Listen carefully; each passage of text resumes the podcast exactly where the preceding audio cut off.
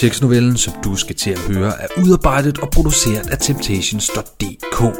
Herinde kan du desuden også finde kvalitetssexlegetøj til super skarpe priser, guides til et sjovere sexliv, samt vores bud på de bedste dildoer, penisringe, penispumper osv. Rigtig god fornøjelse.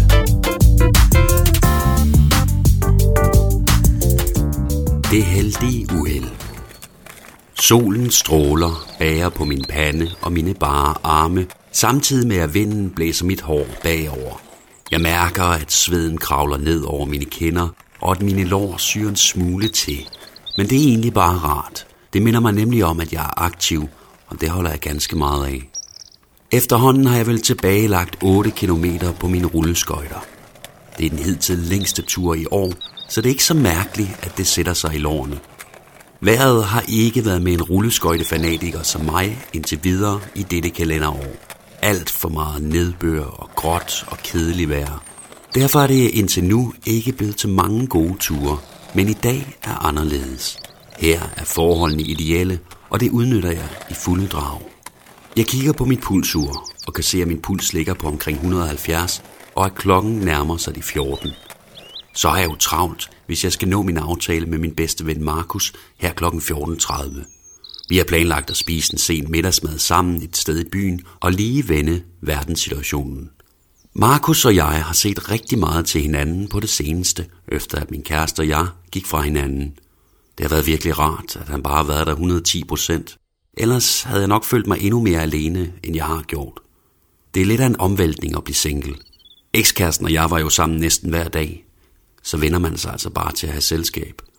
Selvom brudet har været hårdt, fortryder jeg ikke, at jeg tog den beslutning. Hun var en sæk, som ikke fortjener mig. Hun måtte bare ud. Det kunne ikke være anderledes. En af mine venner fortalte mig, at han havde set hende på Tinder. Først lod jeg tvivlen komme hende til gode, og sagde en dag i en lidt spøgefuld tone, at jeg havde hørt, der var en, som havde stjålet hendes billeder og brugt dem på Tinder. Hun stivnede af mine ord, hvorefter hun grinte smånervøst og gav sig til at svine vedkommende til.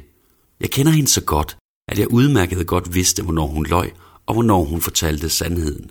Og her løj hun. Jeg var ikke i tvivl. Jeg begyndte derfor at bore i det, og jo mere jeg borede i historien, desto mere borede et spyd af bedrag sig igennem mit hjerte. Hun havde ikke bare lige oprettet sig for sjov en enkelt dag. Nej, det havde stået på i længere tid, og hun havde mødtes og knaldet med flere derindefra. Jeg ved ikke, om der findes forhold, som kan overleve et sådan svigt fra den ene part. Hvis der gør, var det i hvert fald ikke vores. Jeg gik helt fucking amok, da hun blottede sandheden for mig, og kastede rundt med alt det fucking nipslort, som hun havde invaderet min lejlighed med de seneste mange måneder. Efter mit fysiske vredesudbrud bad jeg hende ejet om at skride og aldrig nogensinde vise sit klamme ansigt hos mig igen. Det var uundgåeligt og den rette beslutning. Det ved jeg. Men selvom det var det, har de efterfølgende måneder været meget hårde. Vi nåede at være sammen i næsten fem år, så hun er jo nærmest blevet hele min verden. Tosomheden når virkelig at vokse sig stærk i løbet af så mange år, og så mange år i et forhold resulterer også i, at man glemmer at være single. Man bliver så at sige dårlig til det. Jeg ved, at jeg kommer til at nyde singletilværelsen igen, når jeg engang får omstillet mig. For der er en masse fordele ved at være en fri fugl. Det er da for eksempel fantastisk, at jeg er der måtte være sammen med alle dem, som jeg har lyst til. Men indtil videre er det ikke gået super godt på jagtmarkerne. Jeg har været i byen et par gange, men mit game er sgu blevet rusten. Enten tør jeg ikke henvende mig til det modsatte køn, eller også får jeg drukket mig alt for meget mod til, så jeg bare bliver decideret ynkelig og uschammerende. Men det skal nok komme igen. Jeg skal bare lige have sat kryds i bogen og vise over for mig selv, at jeg stadigvæk godt kan, og der er andre, som gerne vil have mig. Om 20 meter skal jeg svinge til højre, og så har jeg kun omkring 500 meter til min lejlighed. Jeg kigger på uret igen og kan se, at den nu er 14.07. Jeg kan nok lige nå min aftale med Markus, hvis jeg tager et lynhurtigt bad og har en god hårdag. Grundet travlheden vælger jeg at undlade at tage farten af i højresvingen. Jeg mister kontrollen og evner ikke at blive på fortorvet. Vaklende og ude af balance ender jeg på vejen med kurs mod modsatte vejbane, som er fyldt med modkørende biler. Panikken pipler i min krop som myrene i en myretue. Jeg forsøger desperat at dreje til højre, for at undgå kollision. Det lykkes mig at dreje, men jeg kommer så meget ud af balance, at jeg må overgive mig til styrtet skud.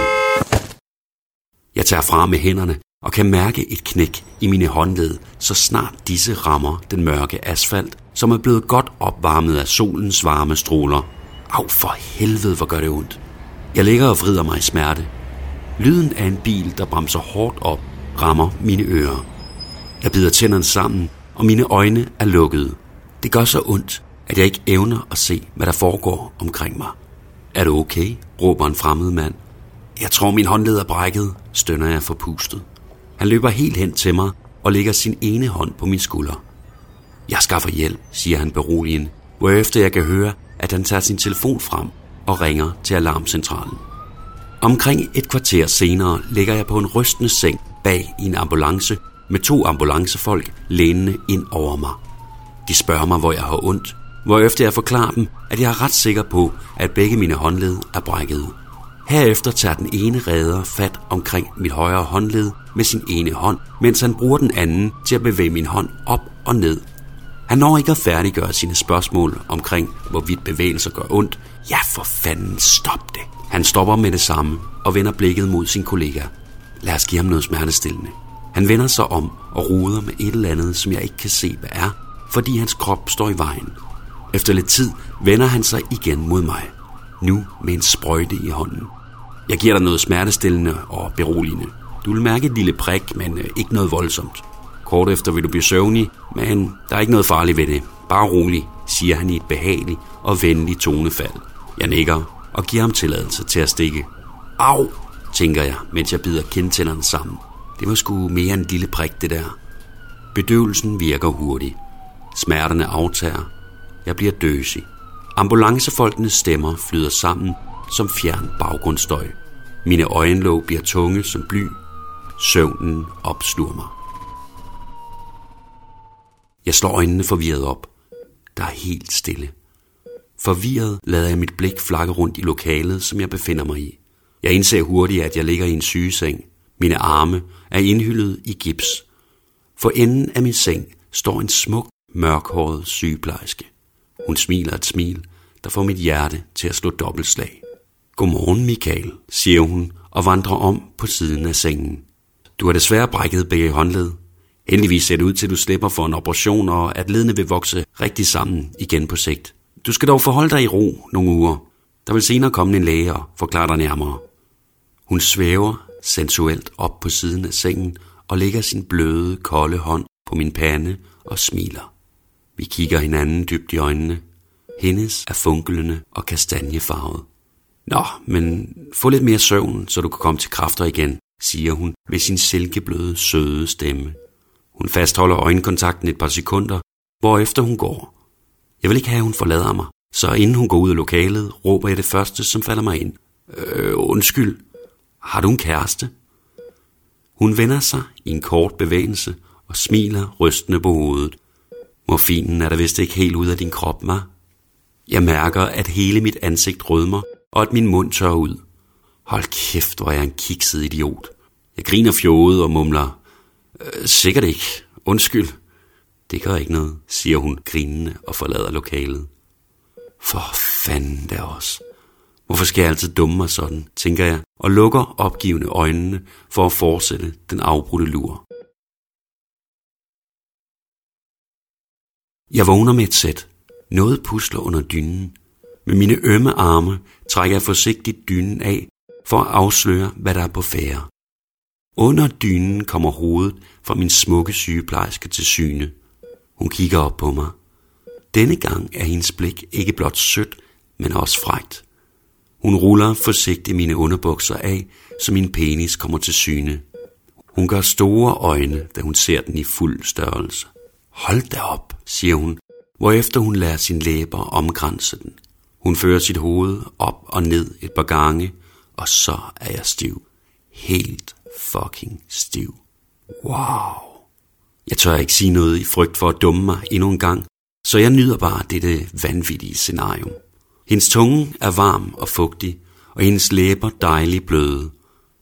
Hun forsøger at tage mig til roden, men må give op, da jeg simpelthen er for stor til, det kan lade sig gøre. Hun slikker lidt på mit pækhoved og tager blidt fat i min pæk og begynder at køre hånden op og ned. Herefter slikker hun langsomt med tungen fra roden og helt op til spidsen et par gange, med hånden hvilende omkring glansen. Er der en gang fører hun munden ned til roden, men i stedet for at slikke for roden denne gang, giver hun sig til at slikke mine testikler. Hånden lader hun fortsat hvile om min stive pæk. Jeg kan ikke holde støn tilbage. Det er så dejligt det her. Hun slikker mine testikler et minuts tid, hvorefter hun forsigtigt sætter sig på min mave. Vi snaver dyrisk, hvorefter hun retter sig op og begynder at tage sin sygeplejerskeuniform af. Under uniformen kommer et stramt siddende sort sæt undertøj til syne. Hendes bryster er større, end jeg havde forventet. Hendes BH gør dem ekstra fyldige. Jeg mærker liderligheden efter hende dunke i mit lem. Hun vifter sine trusser til side og lader mig trænge op i hendes fugtige fisse. Hun skærer en smule ansigt, da min pik gider ind i hende. Da jeg er helt over, bider hun sig i underlæben og sender et frækt smil min vej, mens hun visker stønnende. Hold kæft, hvor er du stor.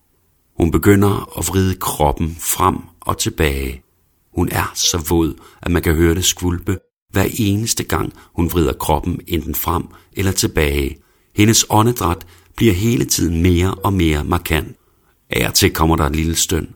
Det er tydeligt, hun forsøger at være stille, men at det er for godt, til hun kan holde kæft. Mens hun rider mig, knapper hun sin BH op og lader sine perfekte, struttende bryster komme til syne. De sidder så perfekt, som man normalt kun ser på pornostjerner. Hun læner sig forover, så hendes lækre, faste bryster rammer mit ansigt. Jeg begynder at slikke på dem. Hun fortsætter ufortrødent med at ride mig. Hun skruer op for tempoet. Fuck, hvor er du god, væsker hun forpustet i mit øre. Hun sætter sig igen ret op og skruer endnu højere op for tempoet. Hendes vejrtrækning bliver voldsommere og voldsommere, og stønnene højere og hyppigere. Det er magisk. Min pik er så stiv og smurt ind i hendes våde safter. Hun læner sig endnu en gang ind over mig, så hendes bløde bryster rammer mit ansigt. Hun kysser mig på panden, hvorefter hun bider mig blidt i halsen. Så bevæger hun sig op til mit højre øre og bider mig blidt i øreflippen. Meget forpustet væsker hun. Jeg kommer så fucking meget lige nu. Knæp mig. Jeg kan mærke, hun laver krampende bevægelser med hofterne, som hun ikke kan styre. Ja, ja, ja, kom i mig, siger hun, mens hun vrider sit underliv voldsomt. Jeg giver mig hen til orgasmen og fylder hendes fisse med sæd. Jeg husker ikke, hvornår jeg er kommet så voldsomt. Min ekskæreste er fuldstændig glemt i dette moment. Sex med hende her slår alt, jeg førhen har oplevet. Hun lader sin slappe krop falde tungt ned over min. Fuck, hvor var det godt, visker hun. Jeg nikker, småforpustet. Vi snaver lidt, hvorefter hun kravler af mig. Hun glæder sig af på og smiler lidt generet. Undskyld, siger hun. Jeg er slet ikke sådan en type. Jeg kunne bare ikke modstå dig. Jeg griner forlegent. Må jeg få dit nummer? Selvfølgelig må du det, siger hun. Jeg tager min telefon frem og ser, at der ligger 23 beskeder fra Markus. De må lige vente. Hun siger sine cifre højt, og jeg taster dem nøjsomligt ind. Jeg tør ikke spørge om hendes navn, så jeg kalder hende bare den søde, frække sygeplejerske. Da hun er fuldt påklædt, går hun stille op på siden af mig. Hun læner sig ind over mig og giver mig et vådt kys. Herefter forlader hun sygestuen og lukker døren blidt efter sig.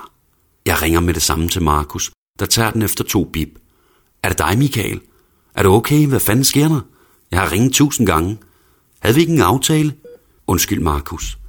Jeg styrtede på min rulleskøjter og blev hentet med en ambulance, og så skete der det vildeste. Jeg har den sygeste historie til dig. What? Er du okay? Den kan jeg ikke vente med at høre, siger han bekymret og forventningsfuldt.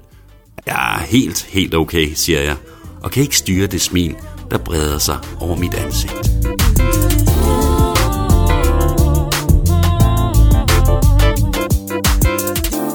Sexnovellen var skrevet, spiket og produceret af Temptations.dk. Find flere frække fortællinger på vores hjemmeside